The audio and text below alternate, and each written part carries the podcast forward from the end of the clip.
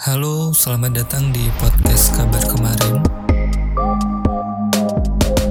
episode setelah lulus SMK terus apa? Nah, di sini kita bertiga ya. Di balik suara ada Firman, say hello. Halo. Halo. Ya. Ya, itu Firman dan suara yang kedua Riko. Dua orang ini sempat jadi anak didik. Aku pembimbingnya di masa mereka masih magang. Ya, tapi Bang, berlanjut kita ya sampai sekarang gara-gara game. Bang, kita tim. Lu kan promosi kan nggak ada yang kenal ya Kita belum kenal belum kenal kalian siapa perlu dikenalkan apa enggak Oh, setelah sih kalau kita mau dikenalkan sama enggak kan? Ya ya udah dikenalin. Firman sekarang? Di ini ya di pelayaran Surabaya.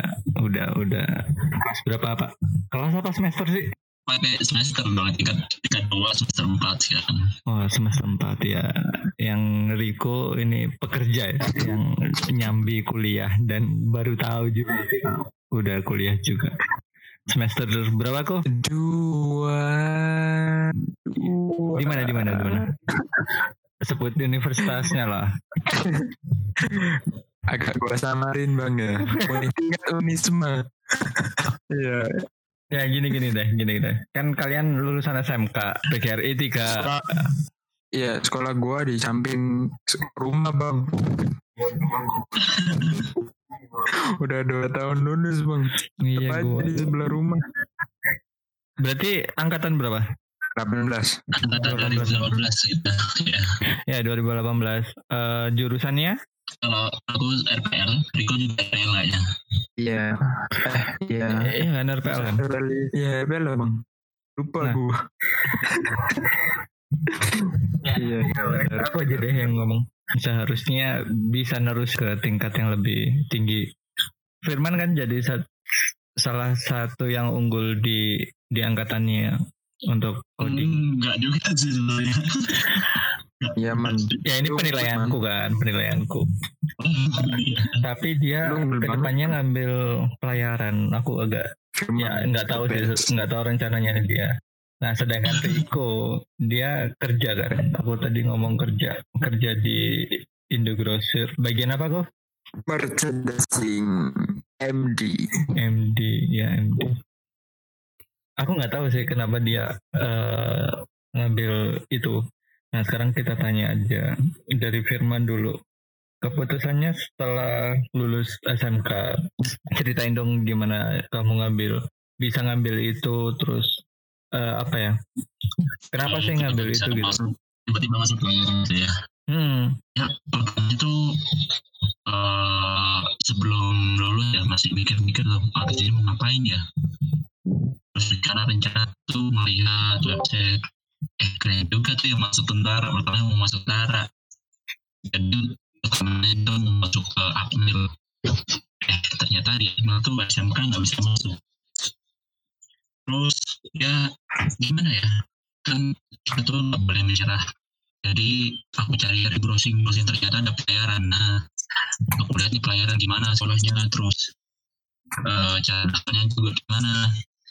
Dan kebetulan di tahun pertama aku tuh itu angkatan pertama yang jalurnya beasiswa. Jadi masuk ikatan dinas deh sama Kementerian Perhubungan.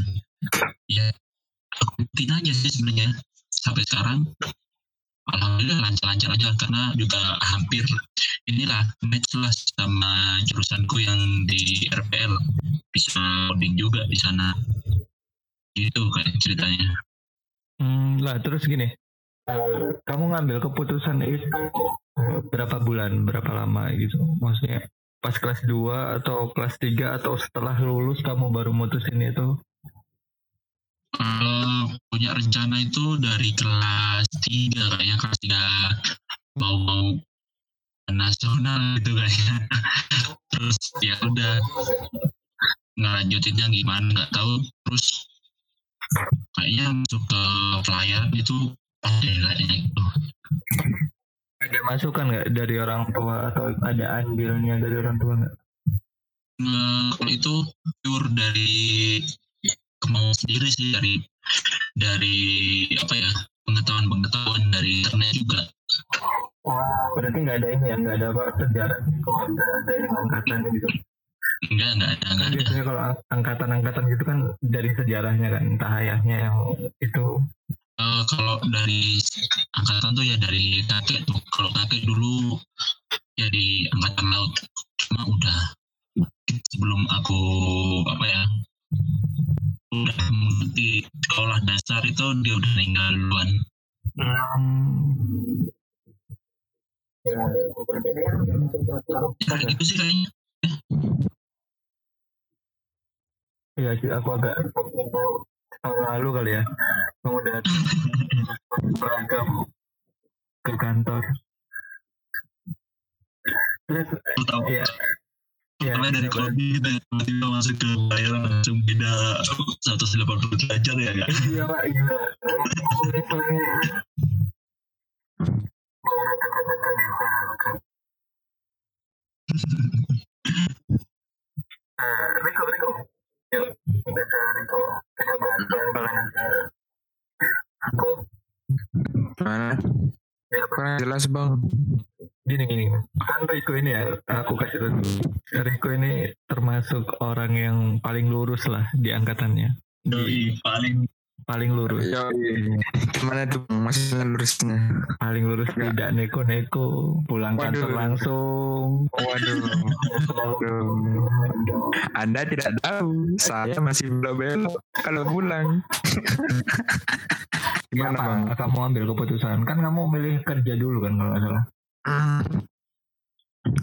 Berawal dulu itu ambisi pengen masuk universitas negeri. Ambisi. oh ambisi ini itu malah ya Kenapa?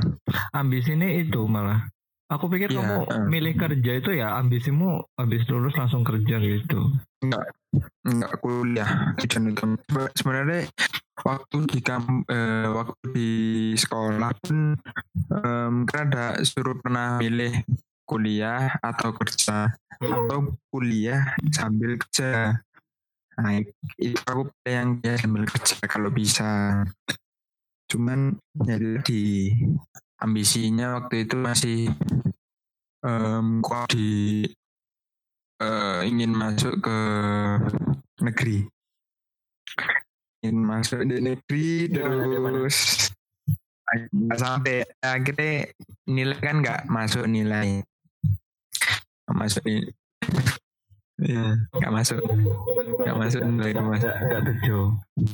Eh, setelah itu anu terus kan akhirnya nggak masuk negeri em, ikut ayah ikut ayah kerja kan. Pertamanya. Lah oh iya kamu belajar. Hmm, belajar lah gimana sih kerja itu gimana? Di bisnis yang ayah apa geluti itu gimana? Sebutin lah apa? Oh ayah bisnis di buah supplier buah Iya, berarti kan sebelumnya kamu nggak langsung ke Indogrosir kan ya? enggak enggak Berapa lama? terus ke ayah itu dua bulan Hmm. itu aku nganu cari kerja sendiri jadi salesnya Republik dua bulan Dua bulan. Eh, dua bulan terus dua bulan nggak betah langsung out. Itu ngelamar lagi cari lagi dapat kerjaan jadi eh, installer di acara-acara nikahan hitan. Jadi apa? itu cuma satu hari. Wah, ini cuma satu hari. Installer. Kayak masang layar Oh itu aku baru tahu malah. Sehari toh. Mm-mm. sehari tok nggak kuat soalnya lumayan berat sih kerjaan angkat-angkat Kerja otot lah. Iya, sebenarnya sih niatnya nggak masalah kan dilihat orang ya. Nah, kan tipenya tipenya pemalu banget. Iya. Oh berarti panjang ya sejarahmu sebelum masuk ke Hmm, indie panjang, panjang. Indo grosir. panjang panjang pro- proses terus setelah nggak kuat eh, di situ satu hari keluar Hmm. terus ngelamar lagi ngelamar akhirnya sekolah hmm. sekolah info kalau itu di Indomaret ada lowongan lowongannya lumayan ya, MD MD Pramuniaga driver sama EDP Ah, terus? Akhirnya aku cari yang jobdesknya mirip-mirip lah. Yang nggak mirip sih. Sebenarnya sih melenceng jauh sih dari jurusan. Eh jauh, jauh banget. Jauh. ya cuma cuma kan ke MD kan dia masih nyambungnya mungkin dia masih main komputer sama main office kan. Jadi masih bisa lah kalau di jaringan. Nah, dan jaringan pun aku nggak terlalu banyak tahu jaringannya. Kalau di MD kan masih komputer office. Ya entry data lebih ke data sih. Jadi kan masih nyambung lah kalau data. Jadi makanya itu akhirnya ikut MD ya itu pun nunggu nunggu setelah tes tes psikotes tes tulis nunggu dua minggu panggilan habis itu di interview langsung sama manajernya MD Hmm. setelah itu alhamdulillahnya besoknya langsung training cuma setengah hari terus langsung kerja besoknya udah langsung kerja normal training 6 bulan kontrak 6 bulan setelah 6 bulan Tetap. tetap Sampai sampai, sekarang, sekarang. alhamdulillah Alhamdulillah. Terus ini kan pilihannya beda ya.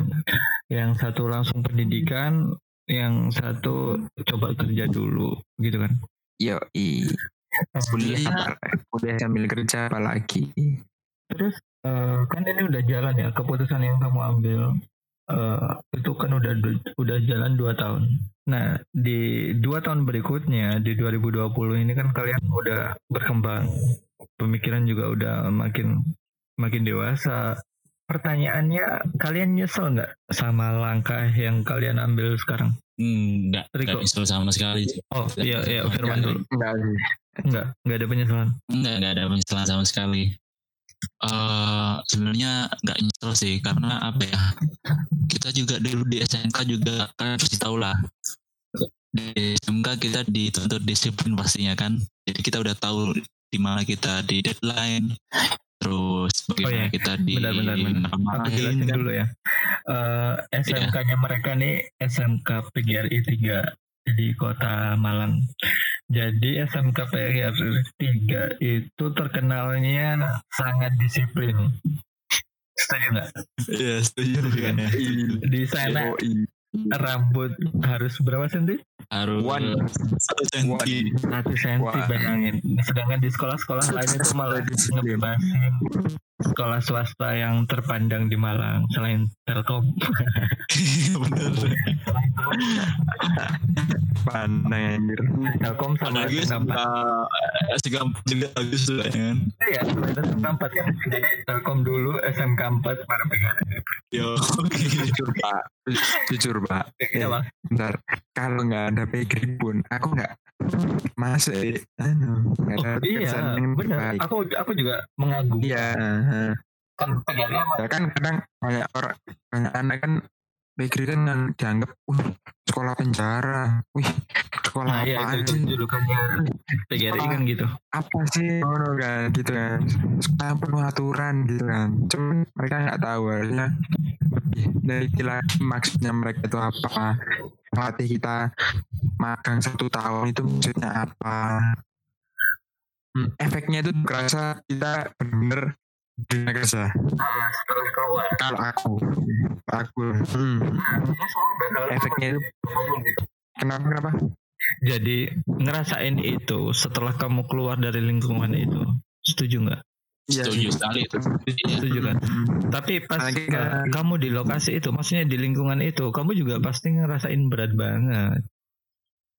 nggak misal Riko ini nggak pernah nggak eh, pagi-pagi jalan jongkok dari bawah ke atas. Nah itu aku sering sering tuh karena telat kan. Jadi di sekolah kita lima sebelum ambil tuh harus di dalam. Nah berhubung rumah dekat cuma lima menit jadi terlalu menggampangkan gitu. Hmm. jadi ya masuk masuk mah eh, pas pas gitu. Jadi kalau pas itu kita jangan jongkok dari bawah ke atas. Bawah ke Ya, atas lantai apa- dua. Iya. Enggak dari apa ya dari depan ke halaman sekolah gitu. Oh. Terus apa ya lagi ya? Eh kita juga kan dulu di di sana juga ada TA kan jadi semua orang TA kan. Hmm.